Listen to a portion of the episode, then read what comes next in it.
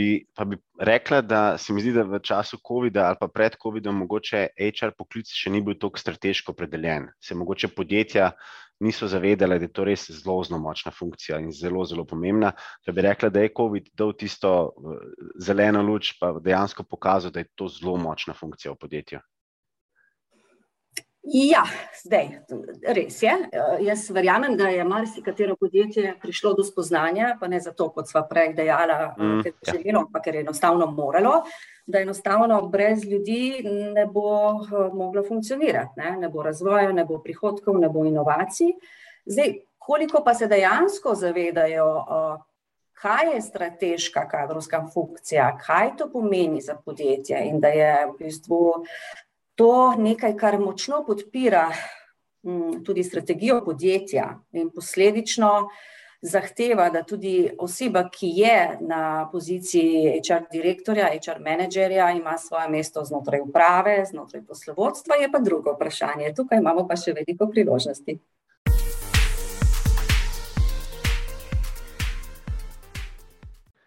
Dobrodošli v podkastu Beyond Leadership, kjer gostimo izjemne posameznike in odkrijemo nove dimenzije vodenja in njihove talente in recepte za uspeh. Z mano je danes ena zelo, zelo posebna posameznica. Lepo pozdravljena, Laura. Živijo, Mark. Zdaj, preden se, se podamo v svet HR-a, v svet um, tvojih bogatih izkušenj, kako hočeš spremeniti in postavljati nove trende, bi te jaz pred našim obiskovalcem prvo predstavil. Zdaj, Laura Smrekar je partnerica v svetovalni kadrovski družbi Competo, vsi vemo, da je to ena izmed glavnih, bom rekel, ne samo družb, ki se ukvarja z HR-om, ampak tudi trendsetterov v, v tem prostoru. Si direktorica zavoda Vitaja Plus uh, za življenje po športni karieri, tako da to bo tudi posebej malo dotaknila, ker me zelo zanima. Uh, si predavateljica, mentorica, ambasadorka finančnega opismenjevanja mladih ter mentorica mladim v programu MCM Young Professionals. Um, zelo močno si usmerjena v prizadevanje in ustvarjanje boljše prihodnosti dela. Zelo veliko nas izobražuješ z raznimi članki, uh, pisala si tudi za različne medije, uh, tako kot je svet kapitala. Uh, rad, rad, vedno nas upozarjaš na, rekel, na aktualne tematike in pa tudi izzive v HR-u, in pa velik podarek namenjaš razbijanju stereotipov na trgu dela.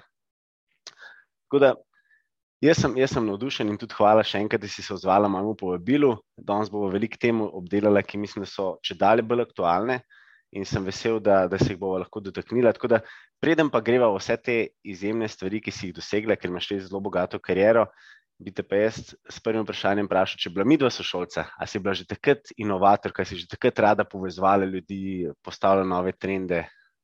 Hm, hvala za vprašanje.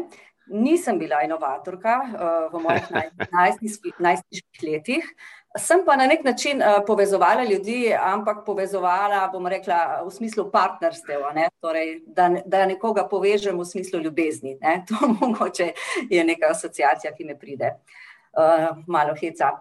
Ne, dejansko sem bila, Mark, v najstniških letih um, res prava najstnica. To pomeni, da je bila šola v drugem planu. Uh, Veliko mi je pomenila zabava, druženje, iti ven, praznovati, rojstni dnevi. Živela sem na obali v Portorožu, kjer je bilo poletje tako zelo dolgo, in bilo vedno dosti ljudi.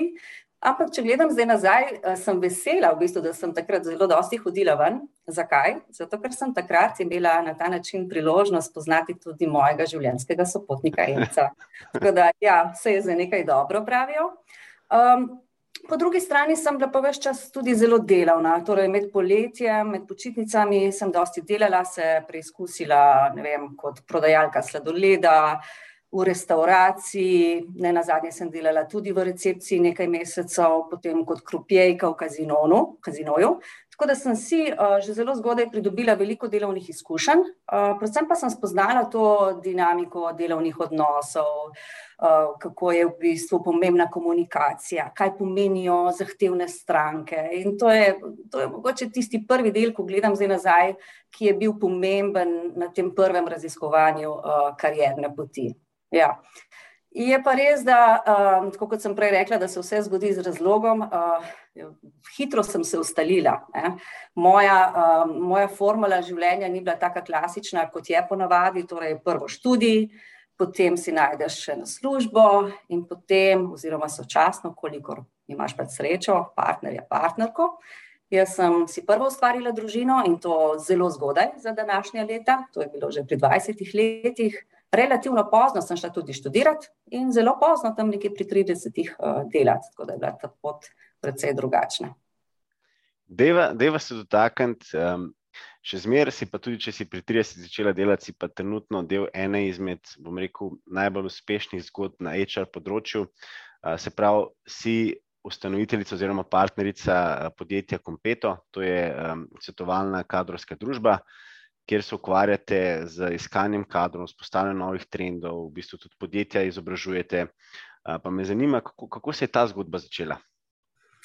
Ja, hvala, zanimiva zgodba. Ravno jutri imamo naš 12. rojstni dan, tako da se veselim. Hvala lepa. Začelo se je v bistvu v obdobju, ko sem bila še pri preteklem delodajalcu, ko sem delala v mednarodni zaposlitveni agenciji. Pričela sem kot poslovna asistentka, potem pa zelo hitro prevzela tudi področje komuniciranja in marketinga. Pet let sem bila v tej družbi, Veliko sem se naučila, mednarodna korporacija je okolje, ki, ki ti da dosti, ne, kjer se lahko res veliko naučiš, poznavaš močne procese, si pridobiš izkušnje, ki so bogate. Ampak po drugi strani pa je lahko tudi okolje, ki te, če si to vrsten tip človeka, lahko hitro začne omejevati. Tako da sem tam nekje po štirih letih uh, postajala precej, uh, bom rekla, nezadovoljna, nisem se počutila dobro v svoji koži. Po eni strani zato, ker takrat, poudarjam takrat, eh, ta družba ni vlagala dosti v odnose, v kulturo podjetja, v ljudi, v to, da bi lahko zaposlenim omogočila fleksibilno delo. Po drugi strani pa je bil velik poudarek samo na KPI-jih. Vse ni nič narobe ne, s KPI, ampak v bistvu, ko je ključen fokus družbe in vodi samo na temu, uh, enostavno nisem bila. To sem takrat začela ugotavljati človeka, ki bi mi tako okolje ustrezalo. Po drugi strani sem pa tudi sama pri svojem delu, eh, pri samih produktih in v, v načinu, kako določene stvari delamo, se počutila precej brez moči, ker karkoli sem morda predlagala oziroma dobila kakšno idejo, kaj bi lahko spremenili, seveda ni bilo mogoče. Ne? Tako da se je ogromno nekih dejavnikov nakupičilo uh, in je zato moje nezadovoljstvo tudi zelo naraščalo. Nisem pa bila edina. Ne? V tem podjetju je takrat delal tudi soustanovitelj Kompeta in naš direktor Matic Vošnjak. Takrat je bil direktor Executive Search oddelka in v bistvu sva oba bila nezadovoljna, se večkrat dobivala na kavi. Z nama je bil nekajkrat tudi kolega dr. Aleksandr Zadel in ne nazadnje tudi moj mož Enco Smrekar. In prišlo je do te točke, ko sva v bistvu tako veliko krat izražala to nezadovoljstvo, da je enostavno Enco rekel, zdaj pa dosne. A boste vidva nehala jamrati in se prilagodila, pač da to tako je, korporacija ne boste spremenila. Če pa menite, da znata bolje, pa pejte na svoje. Tako da, ja, tako se je v bistvu začel ta kanček, ta, ta bom rekla, korenica kompeta. Seveda se ni potem proces zgodil v enem dnevu, niti v enem tednu, vzeli smo si eno leto časa, dobro razmislili, v bistvu, kaj je tisto, kar želimo ponuditi, kakšen bo naš uh, poslovni model, ga večkrat tudi nadgradili. In leta v bistvu uh, 20, ne, ko je bilo uh, obdobje recesije, še vedno, ne, torej za našo industrijo zelo težko obdobje, smo zbrali ta pogum in odšli na trg in ustanovili kompeto. Super, super, čestitam. Zdaj smo že 12 leta. So, ja, super. Deva se dotakniti ene zelo pomembne stvari, ki me zanima. In sicer, jaz sem imel priliko delati za švedsko podjetje, spoznal švedsko kulturo in sem videl, da je tam zelo velik podarek na, na, na zaposlenih in res, da se zaposleni dobro počutijo oziroma počutimo. Um, pa me zanima, kako pa ti opazaš, da v Sloveniji ta trend. Um, Ne samo domačih, ampak tudi tujih podjetij, da se spremenja, da, da podjetja se začnejo zavedati, da smo zaposleni, bom rekel, zelo, zelo pomembne stvari v podjetju, zelo pomembna entiteta, ki, za katero je treba skrbeti. Ja, hvala za to vprašanje. Zelo pomembno vprašanje. Radikalno se spremenjajo stvari. Predvsem um, v navezavi z zadnjimi dvemi, tremi leti, torej korona obdobjem, zdravstveno krizo, uh, zato ker je prišlo do, do, do različnih spoznanj, če temu tako rečemo. Ne? marsikdo, torej marsikateri zaposleni se je v tem obdobju začel spraševati, glede na to, kako je doživljal svoje izkušnje znotraj podjetja v težjih razmerah, ali je pri delodajalcu, ki mu je mar za njega. To je prva stvar. Ne. Pokazalo se je uh, v tem času, katere so tista podjetja, ki skrbijo za svoje ljudi, ampak ne samo v tem finančnem vidiku, ampak tudi v smislu varnosti in v smislu zagotavljanja okolja, kjer je ta psihološka varnost pristna in prisotna. Torej, da lahko spregovoriš v podjetju tudi o izzivih, morda ki segajo višje, dlje in več od same kariere, torej tudi o osebnih zadevah. Marsikdo je bil v stiski. In na podlagi tega, seveda, so posamezniki počeli, pričeli sprejemati tudi bolj drzne in pogumne odločitve, ki jih morda prej ne bi. Torej v smislu tega, da razmišljajo zelo aktivno o menjavi delodajalca in iskanju novih kariernih priložnosti. To je prva stvar, ne. Kar se tiče pa organizacij kot takih, je prav tako prišlo do velikih izzivov, zato ker ja, vse te spremembe, ne, iz danes na jutri smo bili virtualni, so povzročile marsikje kaos, ne, ljudje se niso znašli. In v kolikor v podjetju niso znali pravilno komunicirati, posredovati informacije, predvsem pa opolnomočiti ljudi in opolnomočiti vodje, menedžerje, da znajo ravnati s svojimi ljudmi, ne, da znajo v bistvu voditi na daljavo, se je tudi tukaj pojavilo ogromno, ogromno izzivov, ki so prisotni še danes, ne, tudi danes v bistvu ostajamo v veliki meri precej hibridni. Tako da jaz verjamem, da je tudi zaradi tega vse več organizacij spoznalo, da brez tega, da vlagajo v svoje ljudi, da skrbijo tako za to, da zadržijo svoje zaposlene, po drugi strani pa da seveda se borijo, da lahko privabijo talente na trgu, enostavno ne bo šlo. Torej na neki način so nas razmere prisilile v to, čeprav se zelo grdo sliši in čudno, da smo se začeli spreminjati in bolj postavljati ljudi v ospredje. Super. Kaj bi pa rekla, da se pravi včasih, ke smo bili mogoče malo bolj še pred covidom fizično prisotni, je veliko podjetij, ne vem, kupovalo razne sadje, vode in druge take, bom rekel, bombončke. Kako pa misliš, da podjetja oziroma po tvojih izkušnjah, kako pa podjetja skrbijo za, za delavce na daljavo. Zdaj, ker vemo, da, da veliko uh, zaposlenih tudi v Sloveniji dela remote, dela na daljavo z mednarodnimi podjetji. Kako pa tukaj lahko podjetja uh, s kakšnimi bombončki pomagajo? Um, ja, res je, hvala za to vprašanje. V bistvu, ko si ne, ne fizično prisoten, seveda to vrstni bombončki uh, ne pridejo poštev, ampak iskreno, uh, jaz menim, da tudi niso najbolj pomembni. Ne? Najbolj pomembno je, da ti v bistvu gradiš kulturo podjetja, ki temelji na spoštovanju, na zaupanju, na tem, da se ljudje počutijo opolnomočene, da dejansko začutijo, da lahko s svojim znanjem, svojimi idejami in svojim doprinosom uh, vplivajo na zgodbo podjetja in podjetje so ustvarjajo. Tako da z mojega vidika je v bistvu kultura gledano širše, bistveno bolj pomembna, kakor bombončki, ki so seveda dobrodošli in pridejo prav, ampak niso pa tisto lepilo podjetja in tudi ne tisto, zaradi česar bi nekdo v podjetju ostal. To je pa res. Eno pomembno vprašanje, ki si ga večkrat že izpostavlja v svojih izjemnih rekel, zapisih pa člankih, in sicer vhodni pa izhodni intervju.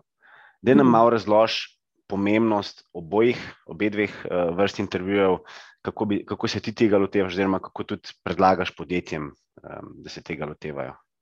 Ja, hvala. Um, to sicer, Mark, ni moje področje dela, uh, torej na svetovalnem delu uh, podjetjem.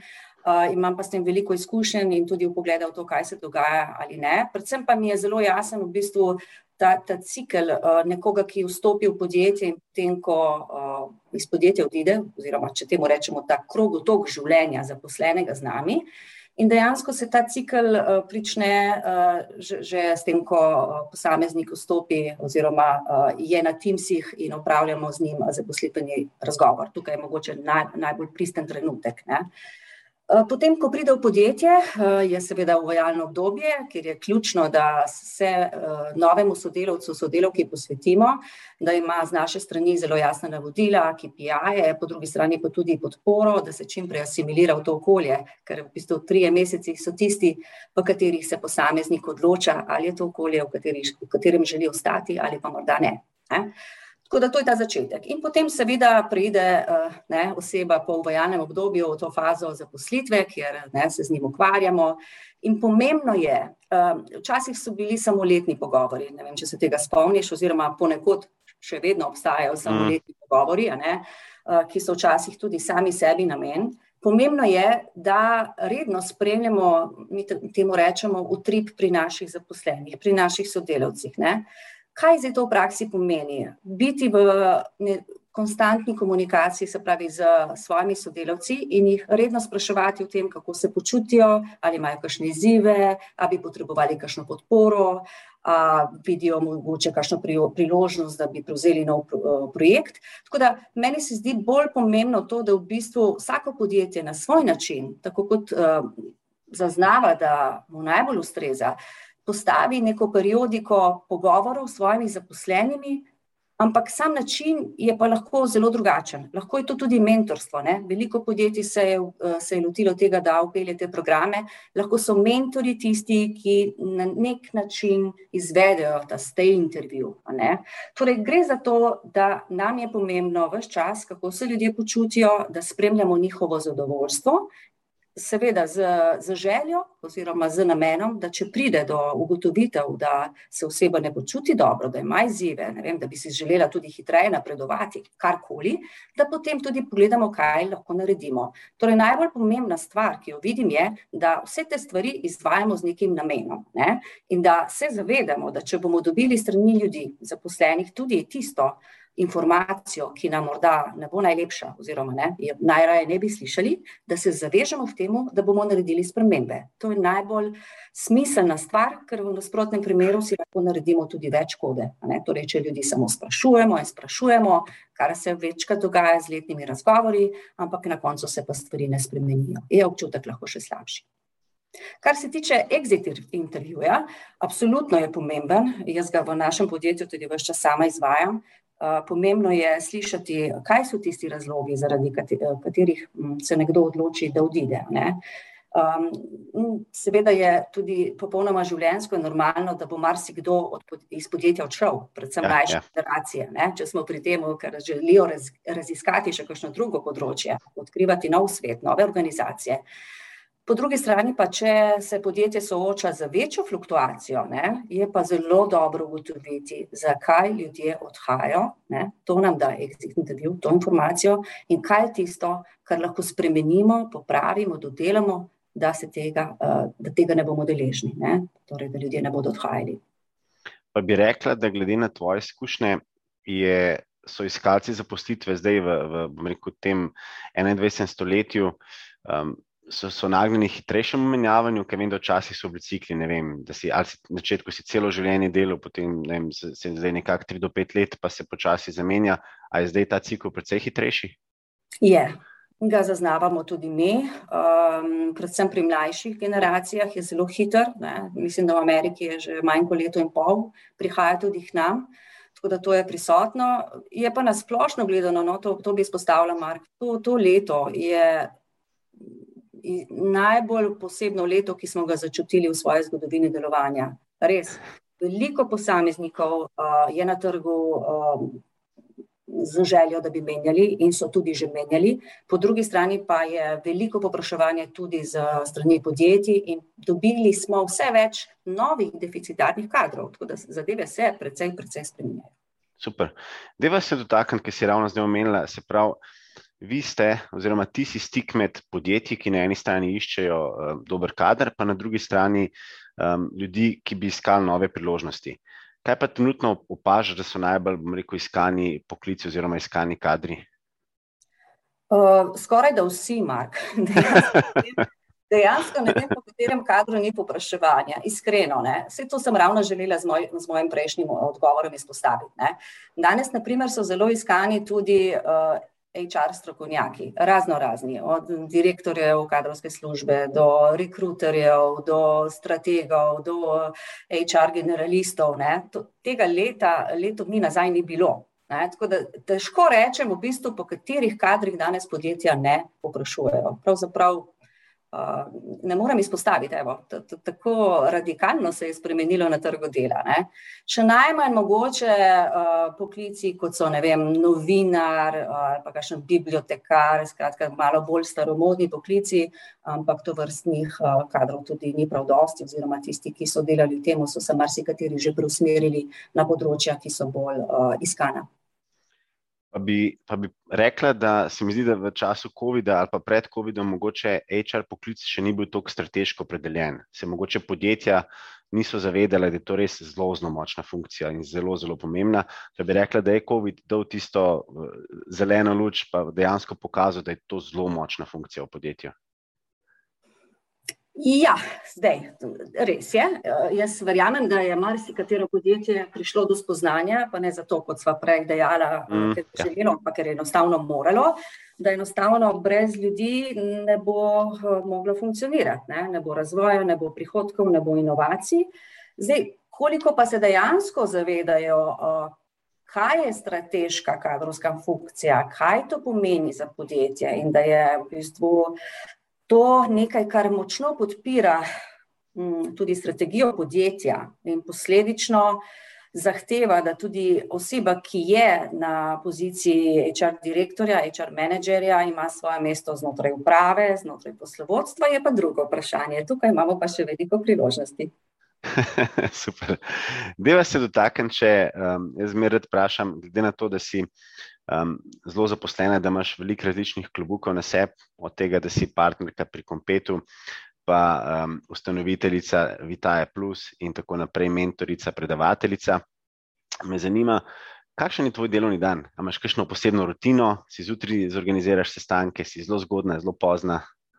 Ja, načeloma nisem jutranji tip, v bistvu jaz miselno začnem funkcionirati tam okoli devete ure, vedno je bilo tako. In najbolj mi možgani viharijo tam okoli dvajsete ure in še kasneje zvečer, tako da to je moj naravni ritem in zato mi tudi okolje, kjer bi začela z delom zelo zgodaj, ne bi ustrezalo in sem hvaležna za to fleksibilnost, ki jo imam. Kar se tiče pa, ja, kar se tiče organizacije in planiranja, pa ja, moram biti, zato ker je moje delo vezano tudi na to, da imam veliko razgovorov, veliko sestankov, ki se lahko spreminjajo ad hoc iz danes na jutri, nenazadnje sva tudi midva prestavila na eno srečanje. Tako da si redno vsak dan beležim, zapišem v koledar in vsak dan si tudi pripravim to do listo po prioritetah, kar se tega tiče, sem zelo, zelo skrbna. Super, dajva se še dotakniti, um, kaj recimo ti, ko, ko si tudi postavljala Kompeto na noge, uh, skupaj s partnerjem oziroma partnerji, kaj si iskala, kakšne lastnosti si iskala v ekipi? Se pravi, kaj je te pomembno, ko si postavljala svojo ekipo? Uhum, hvala. Vedno je bil poudarek na tem, da najdemo sodelavce z, najprej z motivacijo in željo, da delajo v takem okolju in v takem področju dela, v tej dejavnosti. Po drugi strani pa kompetence in lastnosti, ki so komplementarne s tistimi od Kompeta, ne.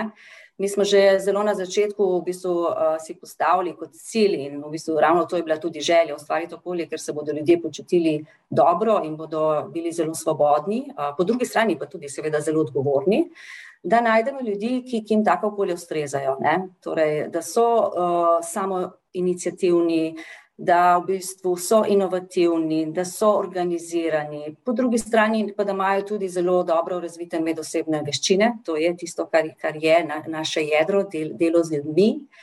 Da skrbijo za svoj razvoj, da skrbijo za svoje lastno izobraževanje, seveda poleg tega, kar jim lahko podjetje omogoči, da so usmerjeni strankam, tako da smo res gledali predvsem na kompetence in lastnosti in tudi zato, ker je naša organizacija taka, da poleg nas, rečem tradicionalnih seniorjev in partnerjev, ne, imamo veliko mladih in pri mladih, ne, tudi delovne izkušnje so popolnoma irelevantne, ne. Ja. Zdaj, mi imamo kar lepo število poslušalcev in, in, in veliko naših poslušalcev je tudi mladih študentov ali pa mladih rekel, iskalcev zaposlitve.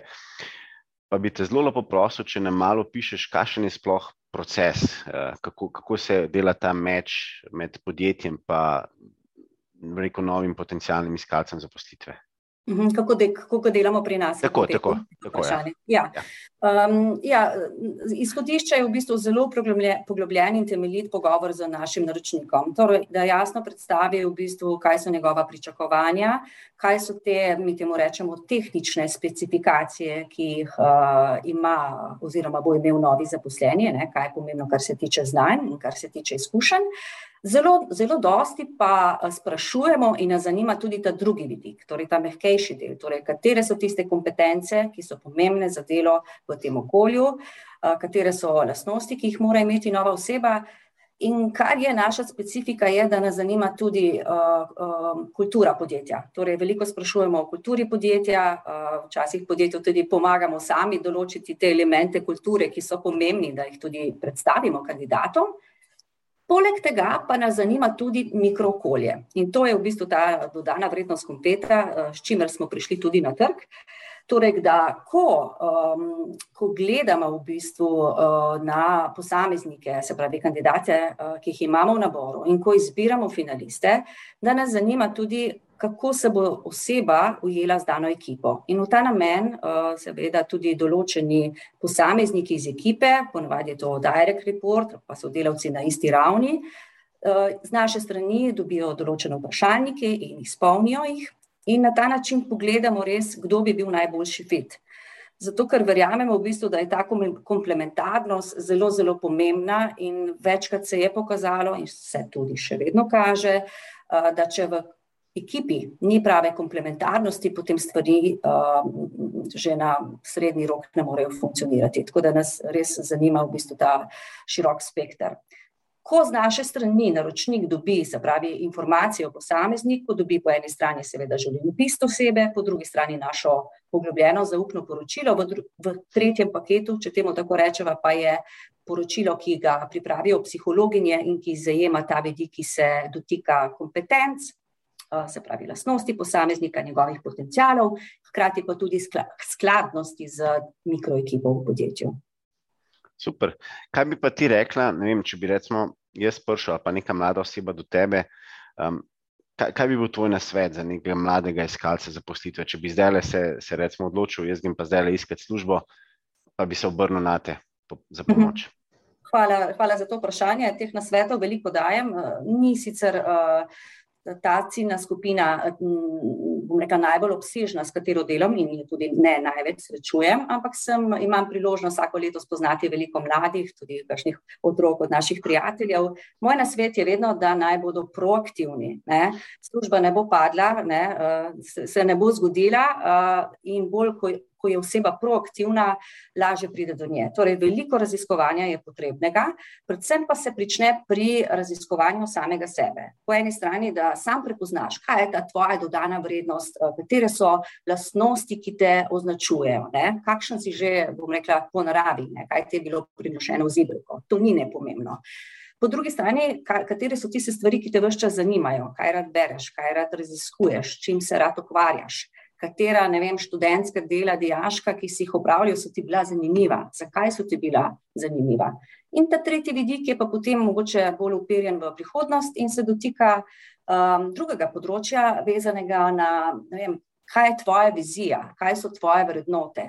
Ko razmišljaš o tem, kaj boš počel, oziroma kje bi rad bil čez določeno obdobje, čez nekaj let, ne? a želiš, ne vem, spremeniti svet, a želiš uh, veliko zaslužiti. Skratka, da si odgovorijo na čim več uh, vprašanj. In na ta način jasno definirajo uh, tudi zaključke. Ne? Zelo ciljeno iskanje je tisto, ki je najbolj pomembno. Uh, ne moreš se ga pa lotiti, preden v bistvu ne narediš te domače naloge in zelo podrobno po eni strani raziščeš ne sebe, greš v lastno raziskovanje, po drugi strani pa tudi trg. Super, hvala. Um, deva se še dotakniti uh, ene zelo zanimive stvari. Sicer, zdaj, jaz sem začel čelo življenje v, v, v inovacijah, pa me zanima, koliko si pa lahko danes, oziroma koliko moraš biti danes v HR-u inovativen, oziroma si lahko inovativen, Se tudi, tukaj, se tudi tukaj govori o inovacijah? Absolutno ne. Vse inovacije, ne, ta beseda je zelo močna. Ne, ja. Če misliš na inovacije, ne govoriš res o radikalnih inovacijah. Ne, ampak ni tako. Inovacije v bistvu delaš na, na vsakem koraku. Lahko, ne. Inovacijo narediš že s tem, da v bistvu uh, nekoga, če malo karikiram, drugače sprejmeš na zaposlitvenem razgovoru. Je lahko ne, tudi v odnosu inovacija. Ne. Jaz mislim, da inovacija uh, mora biti sestavni del uh, delovanja in življenja vsakega podjetja. To je tisto, kar nas ohranja konkurenčne in tudi na kadrovskem področju. V bistvu še bolj. Uh, jaz menim, da tisti, ki uh, ne bodo posodobili uh, svoje kadrovske službe, bodo imeli velike izzive, ne? zato ker ne bodo mogli slediti po eni strani željam, potrebam zaposlenih in uvajati tudi sodobne digitalne rešitve, da se določeni procesi avtomatizirajo, skrajšajo, po drugi strani pa tudi ne privabljati ključnih ljudi, ker pa je ta inovativnost še kako pomembna. Super, zdaj, um, ki te spremljam, pa tudi, ker smo se že večkrat pogovarjali, se ti res vidi, da imaš izjemno strast um, po tem delu, ki ga upravljaš. Pa me zanima, američani doskrat pravijo temu, da je aha moment, se pravi, aha trenutek. A si ti tudi imela kdaj v, v svojem življenju ta um, aha trenutek, ki si si rekla, to je pa to, kar hočem početi, to je pa uh, moja strast, hočem delati z ljudmi, hočem pomagati, spreminjati uh, miselnost in tako naprej. Ja, hvala za vprašanje. Spet se to dotika tistega obdobja pri prejšnjem delodajalcu, kjer sem prvič eh, prišla v panogo za poslovanja HR-a in sem že po parih mesecih uh, v bistvu uh, ugotovila, da je to to. Dejansko, to je bila v narekovajih veza na prvi pogled. Vedela sem, da bom delala v tem. Ja. Super. Zdaj, vsi vemo, da je danes tudi um, predvsej, bom rekel, stresa, um, tempo je zelo hiter, uh, zelo hiter se odvijajo stvari. In ena izmed, uh, bom rekel, novih uh, izzivov, uh, ki si jo pričela, je tudi Zavod Vitaje Plus ki pomaga, bom rekel, športnikom po neki športni karieri. Tako da, da nam malo mal predstavlja širšo sliko, ker se mi zdi res fantastična, zelo, zelo izjemna stvar.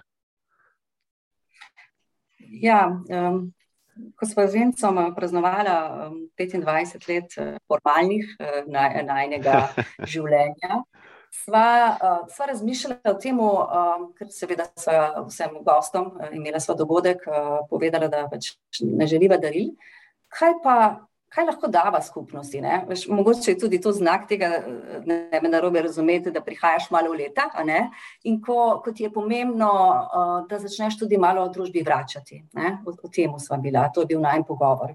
In sva brainstormala in nekako ugotovila, da bi lahko združila uh, njegovo strast, uh, ki jo ima do športa. Um, ki ni njegovo, uh, njegovo delo, uh, formalno delo, ampak če tudi je, moram reči, da kar veliko energije in časa temu posveti, ampak ga vidim bolj kot poslanstvo.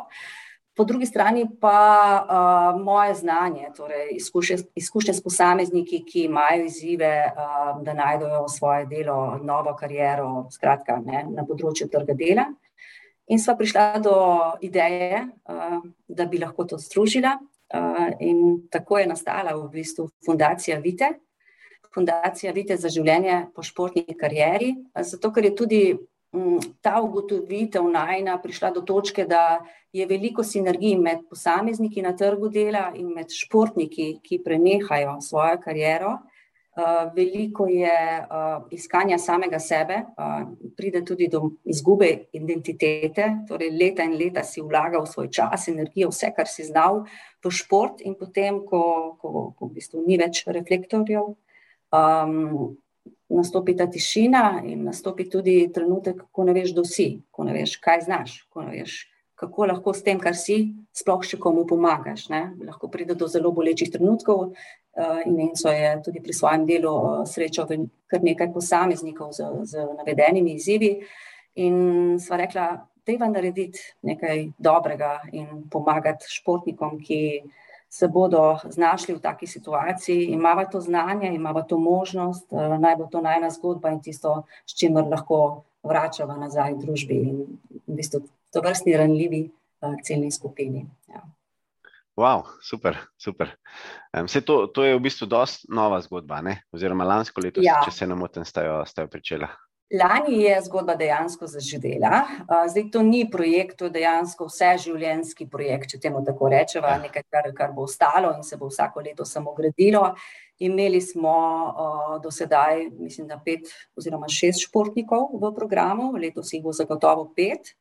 Um, povratne informacije so dobre, um, neke stvari bomo seveda še nadgradili, kar je seveda normalno, ker je zadeva živa in um, ne, um, dobivamo tudi povratne informacije, kaj je tisto, kar mogoče bi si posamezniki v tej fazi še želeli oziroma potrebovali, kje so tiste bolečine, ki jih še lahko naslovimo. Tako da gremo s pro programom naprej in sva, sva oba hvaležna in zadovoljna, da, da vendarle lahko še nekomu pomagamo, da bo našel svojo, svojo drugo kariero po športu. Ja. Super. Ja, izjemna zgodba, res zelo, zelo, zelo uh, podpiram in mi je zelo všeč. Um, zdaj bi se pa rad obrnil še na drugo stran. Prej smo se malo pogovarjali, uh, kakšne lastnosti so, so pomembne, ko si postavljali ekipo, uh, pa malo smo se vtaknili tudi v kulturi podjetij. Zdaj bi šel pa v kontrasmer, pa bi se fokusiral na vodje. Uh, se mi zdi, da danes imamo kar nekaj, bom rekel, uspešnih podjetnikov, menedžerjev, uh, po drugi strani se pa časi, v katerih živimo, zelo hitro spreminjajo. In, in je treba zelo, bom rekel, da je tudi na razna čustvena inteligenca, se čim več izobraževati. Pa bi rekel, kako pa ti gledaš? A se, dons, se je danes vodja spremenil, če pogledava par let nazaj, napram, kakšen mora biti vodja danes? Hm. Ne vem, če se je spremenil, se pa spremenja. ja. uh, Se, se spremenjajo stvari, um, tudi v kompletu opažamo vse več popraševanj po to, to vrstnih storitvah, torej po usposabljanju vodi, coachingu, tako da stvari se spremenjajo. Vedno bolj uh, postaja, obstaja to zavedanje in spoznanje, da menedžer, biti menedžer, biti vodja je, je veščina, ne, je poklic In v Sloveniji sploh smo vrsto let eh, na vodstvena delovna mesta postavljali ljudi, ki so bili strokovnjaki na posameznem področju, in potem, ko je organsko prišlo do tega, da potrebujemo vodjo, ki bo prevzel uh, ekipo, ker je ekipa zrasla, smo povzdigali na to funkcijo uh, najboljšega strokovnjaka. Ne. In zdaj, seveda, postaviti nekoga v to vlogo, ne pa poskrbeti, da, da se v tej vlogi tudi znajde, ni najbolj odgovorno. Ne. Danes je drugače. Danes v bistvu podjetja vlagajo energijo, čas in investicijo v razvoj vodi, eh, tako da zadeve se spreminjajo in jaz verjamem in sem prepričana, da bo tega v naslednjih letih še več. Kot si sam izpostavil, eh, mehke veščine so ključne. Ne? Zakaj? Zato, ker je vloga vodje in menedžerja, da se 70-80 odstotkov svojega časa ukvarja z ljudmi in si v bistvu takoj odgovorimo na to, katere veščine je potrebno nadgraditi, zato da boš lahko dober vodja. Ne? Tako da to je v prvi vrsti oseba, ki ja zna dobro upravljati kot prvo z lastnimi čustvi in jih razumeti. In seveda potem uh, je to pogoj, da lahko potem dobro razume tudi druge, jih posluša, jih zna usmerjati uh, in je ja, čustveno inteligentno zagotovo tukaj v spredju. Zdaj, eno raziskavo sem zasledil, da um, bolj zrel, ko postajaš, bolj izkušen, kot si kot vodja, eh, se ta razmerje med poslušanjem in govorjenjem zamenja. Ker na začetku smo, bejani bi nekje dve tretjini časa namenjali govorjenju, pa samo eno tretjino poslušanju, potem se pa ne bi to počasi obrnili in smo bolj poslušalci, eh, kar se mi zdi zelo zanimivo. Um, ja. eno, eno stvar sem te hotel še, še um, um, malo vprašati in sicer me zanima, ker, ker si strokovnjakinja na področju komuniciranja in danes uh, opažamo, da je ta direkten feedback ali pa konstruktiven feedback če dalje bolj pomemben. Uh, pa me zanima, ali si ti tudi pristaši na te sandvič metode, kateri se radi hecamo, se pravi pohvala, graja pa pohvala. Ab, absolutno ne.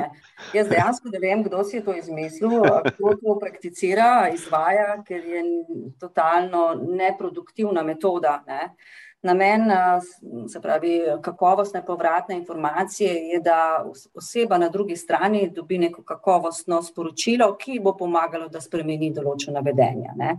Eh, medtem ko pri ne, metodi Sandwich eh, praktično sogovornika zmedeš, kakovostne informacije ne podaš, po drugi strani pa tudi ne, spodi, ne spodbudiš, bom rekla, motivacijo pri sogovorniku, da karkoli spremeni, tako da je ne, je neodobravno. in srčno upam, da tudi ostala podjetja ne. Deva se dotakniti, če sicer ti si tudi predavateljica, pa tudi mentorica. Pa me zanima, ali si tudi ti imela kakšnega mentorja ali pa mentorico v svojem življenju? Ja, in, in ga imam še vedno. Jaz se vedno malo pošalim in pravim, da sem z encem dobila cel paket, da je moj partner, moj ljubimec, moj prijatelj, moj coach, moj uh, mentor. Ampak je res. Vse morda tudi zato, ker sem ga spoznala kot zelo mlada, uh, spravi, 18 let sem bila stara, in so 26. In je on v bistvu že takrat zelo hitro potem prevzel tudi direktorsko funkcijo, postal direktor podjetja in sem ga v bistvu tudi spremljala na tej poti, ga doživljala, vse njegove stiske. Tako da sva nek način skupaj rasla, se dopolnjevala. In krasno dopolnjujeva v bistvu um, dve najne plati. Enco je bolj, uh, se pravi, njegove te močne strani so pogum, samozavest, kreativnost, vizionarstvo. Ne? Jaz pa po drugi strani sem zelo people person, ne? usmerjena v ljudi in v bistvu so tukaj drug drugim zra, zrasla. In še vedno rasteva in marsikater njegov nasvet, ne? njegov pogled mi je prišel zelo prav na tej moji samostojni poti podjetništva, kjer je seveda Enzo tudi še vedno zelo upet in nam pomaga. Ja. Super, ja, je, je kar, kar izjemna osebnost, oziroma ste kar izjemen par, se lepo dopolnjujete. Um, da mi še povej, ti si tudi um, bila, bom rekel, si, si zelo usmerjena v, v stalno izobraževanje in nadgrevanje svojega znanja. Uh, študirala si univerzi, na Univerzi v Ljubljani, uh, potem si bila tudi na London School of Public Affairs, Uh, bila si tudi top class v, v SID-u, v tem zelo izjemnem oziroma močnem združenju. Um, pa mi povej, kako se, se ti zdi danes pomembno, da vlagamo v svoj razvoj, da se, skos, da se ne ostalimo? To je danes ključno. To je danes ključno za vse ljudi. Brez tega ne bo šlo. Vse samo opažaš, stvari se tako radikalno in hitro spreminjajo da brez tega, da konstantno vlagaš v nenehen razvoj, se pravi in osebni in karjerni, ne bo šlo. To je postala stalnica našega življenja. In se mi zdi zelo pomembno, da najprej kot tisti na vrhu, se pravi, vem, se pravi partnerji, menedžeri, vodje, da smo tisti, ki smo vzor, uh, zato da bodo tudi drugi naš, naši zaposleni lahko temu sledili. Zdaj, prej sem že malo smeril v, v um, da je tempo življenja precej hiter, eh, da se zelo hitro vse odvija, ogromno nekih aplikacij imamo in tako naprej.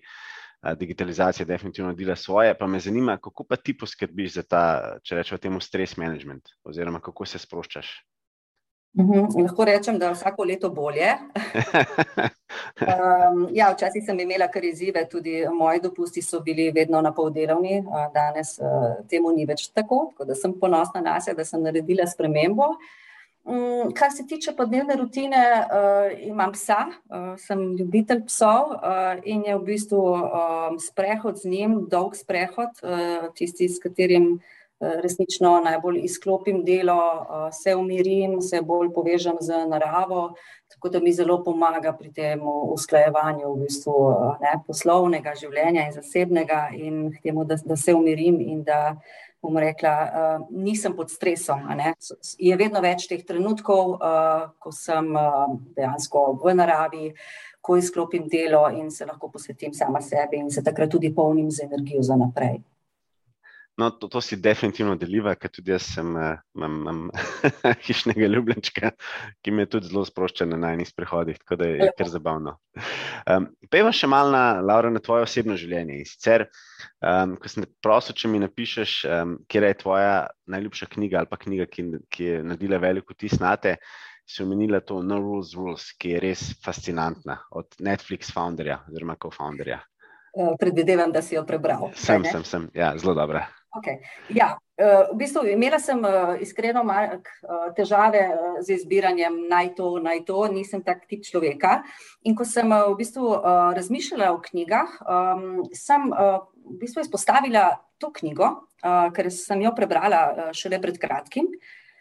Ni toliko, da bi se lahko povezala in poistovetila z kulturo Netflixa, absolutno ne ampak se mi zdi pa, da jim lahko nosi in da lahko iz nje razbereš eno krasno, krasno sporočilo. Zakaj? Netflix je zelo specifičen. Um, torej, niso kot ena velika družina, uh, kar se marsikatero podjetje imenuje, dobri odnosi, kakovostni odnosi. Oni stavijo na druge stvari. Ne? Oni v bistvu delujejo kot eno uh, rekla, uspešno športno društvo, športna ekipa, kjer res so, uh, prevladujejo v tej ekipi uh, močne, uh, dobro plačane športne zveze in tako se tudi obnašajo. Ne? Sami pravijo, da poprečnost ne obstaja, jih ne zanima, da želijo dobiti najboljše na trgu in jih bodo tudi najboljše plačali. Ko pa na trgu ugotovijo, da so se pojavili morda boljši, ne, asi, športni asi, pa se od obstoječih poslovijo, seveda z dobrimi odpravninami in privabijo nove ljudi v svoje vrste. Zdi se mi, oziroma ne da se mi zdi, Netflix ima zelo jasno izdelano kulturo zelo jasno izdelano obljubo znamke delodajalca, torej Employee Value Proposition.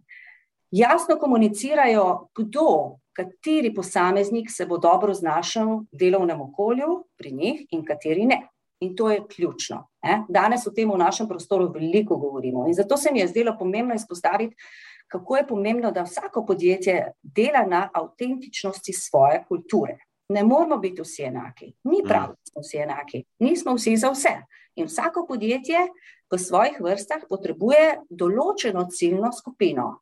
Zato je pomembno, da jasno oblikujemo, se pravi, kateri so tisti elementi naše kulture, ki jih živimo uh, in ki jih tudi želimo izpostaviti, zato da bomo to vrstne ljudi privabili k nam. Mogoče čutim preveč, uh, na rekovajih, uh, copy-paste variante, marsikdo morda povzame kakšne elemente podjetja, ki ga ceni, ki ga smatra kot dobrega delodajalca, uglednega delodajalca in tako naprej, zato ker je to lažje. Ampak to ni to. Ne. Pomembno je, da si vzamemo svoj čas, da dobro razmislimo, kaj je ta naša avtentičnost, v čem smo drugačni in da znamo to zelo jasno komunicirati. Da, zato sem izpostavila to knjigo, ker se mi zdi tudi glede na čas v bistvu eno, eno pravo sporočilo in ena prava um, odskočna deska. Bi jo uh, svetovala marsikateremu podjetju oziroma predstavniku uh, podjetja, da jo prebere, uh, da v bistvu si ustvari ta občutek, kako je to pomembno. Kje je pa kakšna serija, ki jo rada spremljaš? Uh, ja, um, seriji uh, spremljam veliko, uh, z Enzotom jih oba skupaj, s tem, da je on malo bolj, uh, bom rekla, ljubitelj znanstvene fantastike, jaz manj. Um, z namenom, da pa se čim bolj sprostim, da se nasmejem in ne, izklopim moje misli, ker, ker so, so zelo, bom rekla, burne in vse čas uh, v gibanju, pa me komedije zelo sproščajo. Zato sem izpostavila dve komediji. Uh, prva je, seveda, prijatelji. Ne, um, To je nekaj, kar se mi zdi, da so vse generacije gledale in tudi bodo v bodoče, ja, um, ja. legendarni prijatelji.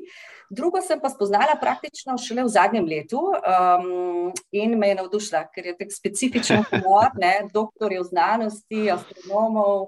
In uh, se prav tako večkrat nasmejim do sovs in uh, resnično pridem v to mojo fazo, ko, ko lahko izklopim in je ta občutek prijeten. Ja, zato uh, veliki pokovci. Ja, do, dobra izbira, dobra izbira. Kaj pa, recimo, če bi te vprašal, um, najljubša hrana ali pa hrana, ki jo zelo rada ješ, pa, pa večkrat ješ? Uh mhm, -huh. Vse, kar je povezano z Mediteranom in z morjem, obožujem morsko hrano. Zdaj, znotraj tega nimam specifične hrane ali jedi, ampak ja, mediteranska hrana. Super.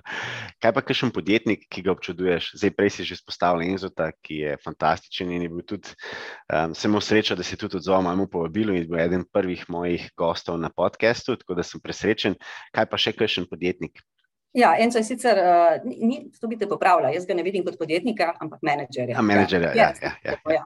ja. Dej, uh, ko sem razmišljala, v bistvu, uh, in če bi me uh, to poprašal, oziroma če bi imela na en pogovor mesec dni nazaj, bi bilo to ime drugačno. Uh, Richard Branson je naprimer oseba, ki, ki ga cenim, um, je blizu v bistvu to, uh, kaj zagovarja, kaj je njegovo poslanstvo, ne na zadnje teme, ki jih odpira, um, ne na zadnje tudi, kako je svojo dis disleksijo obrnil v sebi kot uh, dodano vrednost uh, uprit. Uh, me je pa zelo ganila um, poteza enega od podjetnikov v našem prostoru, ki je nedolgo nazaj uh, prodal svoje podjetje in velik del um, kupnine namenil tako lokalnih skupnosti, uh, kakor tudi uh, svojim zaposlenim. To se mi zdi, da je uh, izjemna gesta, spoštljiva gesta. Nisem še zasledila česa takega v našem prostoru. In ko dejansko sem slišala gospoda zadnjič tudi v pogovoru, uh, ne, je podal širši, širši pogled in razmišljanje, zakaj je to storil, so, sem imela sozne oči, se me je dotaknilo. In se mi zdi, da je lahko mnogim nam, oziroma vsem nam, podjetnikom, menedžerjem, kot vzor. Ne. Smo tukaj zato, da sobivamo z različnimi deležniki, z skupnostjo, v kateri, v kateri živimo. In prav je, da če imamo kaj za podeliti, ne, če imamo kaj za, za dati, da to storimo. Zdaj, seveda, vsak na, čo, na svoj način, s tem, kar zmore, kar želi, vsak na svojem področju. Nekateri donirajo ne vem, ranljivim ciljnim skupinam, nekateri pač investirajo v šport, v kulturo, nekateri prenašajo znanje na mlajše generacije. Ampak jaz mislim, da nismo tukaj samo zato, da, da služimo. Prav je, da služimo, seveda, ampak ko pa lahko delimo, dajmo te podeliti in tudi našim ljudem v podjetjih. Tako da z mojega vidika je to res ena izjemna poteza in bi si želela, da postane stalnica v našem prostoru. Se strinjam. Zdaj, če, bi, če bi pogledala na tvoj telefon, katere so tiste aplikacije, ki so najbolj eh, v uporabi? Hm? Več jih imam. Prva je zagotovo WhatsApp, ampak eh, ne zato, ker bi bila meni ne vem kako priljubljena, enostavno zato, ker je to aplikacija, preko katere vsak dan komuniciram z hčerko Zevo, ki živi že vrsto let v tujini. Da, ja, to, je, to je ključni razlog. Uh, nam omogoča, v bistvu, da se vidiva, da se slišiva, da ne nekno v bistvu si pošiljava sporočila in jo obožujem iz tega vidika. Uh, druga aplikacija je koledar. Uh, kot sem prej omenila, veliko stvari si beležim, vse razgovore, sestanke, tako da jo zelo veliko uporabljam. Potem je uh, Slack. Slack je postal uh, zadnje dve leti naša edina interna komunikacija, virtualna, veliko jo uporabljamo, uh, veliko v bistvu si podelimo, preko nje tudi razmišljamo, um, pač um, komuniciramo pomembne informacije. Nadaljna, ki je pri meni tudi zelo v uporabi, je pa zagotovo LinkedIn. LinkedIn je po eni strani prostor, kjer sama tudi skrbim za, za profil kompeta, po drugi strani je pa to tudi kanal, preko katerega spoznavam različne posameznike. Ja. Um, in kaj bi še izpostavila? Ja, Google Maps uh, tudi, zato ker nisem najboljša uh, v orientaciji praktično kadarkoli se podam na kakšen sestanek, tudi če je bliže Ljubljani, ga uporabim in mi pomaga, da sem bolj učinkovita in da res vem, da bom prišla na pravo mesto. In ja, imam pa še eno aplikacijo in to je vreme. Pa ne zato, ker bi mogoče ne, bila vremensko občutljiva, ampak zgolj zato, ker se z psom veliko sprehajam, trikrat na dan, zagotovo, to so tudi daljši sprehodi, in mi pomaga pri tem, da potem vemo, v bistvu, kako naj se oblečem, ali naj vzamem dežnik, uh, kaj naj obujem. Uh, tako da je, je, kar, je kar uporabna. Super, kera pasma uh, je že? Jorki, Jorki. Jorki. Točno, je, točno, točno, super. Odlično, zdaj pa peva še do najpomembnejšega vprašanja. Se hecam, ampak imamo že, tukaj imamo na, na podkastu že kar lepo število poslušalcev tudi naša skupnost lepo raste in jaz zmeraj vsakega izjemnega gosta prosim za neko zadnjo misel ali pa za zadnji nauk ali pa nekaj, kar bi rada delila z nami. Mhm. Ja, sem veliko razmišljala in potem uh, tudi pripravila, niti ne nauke za druge, ampak bolj neka moja spoznanja, do katerih sem prišla v tem času in se mi zdi, da, da lahko morda uh, kdo se najde v njih oziroma iz tega vzame nekaj pomembnega. Prva je zagotovo ta, da nič ni samoumevno. Uh, In to je nekaj, kar se mi zdi, živim in čutim že zelo dolgo, hkrati pa tudi opažam, da imamo s tem izzive. Predvsem se mi zdi pomembno um, v podjetjih, da ko, so ta obdobja rasti, zaslužka, inovacij, skratka, ko, ta, ko imaš ta občutek, da lahko premikaš meje, da kljub temu uh, ostanemo hvaležni za to, kar imamo, spoštljivi do naših ljudi, da jih večkrat pohvalimo, da jim damo vedeti, da nam je mar za njih in da to tudi pokažemo, da jih pohvalimo. Torej, in da ne dovolimo, da bi v takih trenutkih naš, kot temu pravimo, ego preveč preveč visoko se dvignil, kar se zna zgoditi, ko ti gre dobro. Ne. Zdi se mi, da je to pomembno, zato ker uh, vedno pridejo tudi trenutki, ko se ta krivulja obrne, ne, ko gre cikl navzdol, to je sestavni del in življenja in posla. In ko pride potem do teh težjih trenutkov, so to stvari, ki te držijo. Tist, tisto jedro organizacije in lepilo, ki ti da moč, ki ti da energijo uh, in pogum, v bistvu, da lahko potem premagaš nove izzive. To se mi zdi zelo pomembno. Odlično, najlepša, najlepša hvala. Zdaj, dragi poslušalci, um, še enkrat z nami je bila izjemna mentorica, um, predavateljica, partnerica v svetovalni kadrovski družbi Kompeto, direktorica Zavoda Vita in pa trendsetterka na področju HR-a. Tako da, Laura, še enkrat najlepša za tvoje izjemne izkušnje, eh, poglede in pa vse na svete. Hvala tebi, Mark, za povabilo. Hvala. Spremljate nas na vseh 13 kanalih, kot so Spotify, Apple, Google, Castbox in pa tudi YouTube, LinkedIn, Instagram in pa Facebook, kjer imamo že ogromno skupnost, kjer nas je preko 2000. Imamo pa tudi novo spletno stran beyondleadership.se. Se že veselimo vaših novih poslušanj in pa dogodivščin.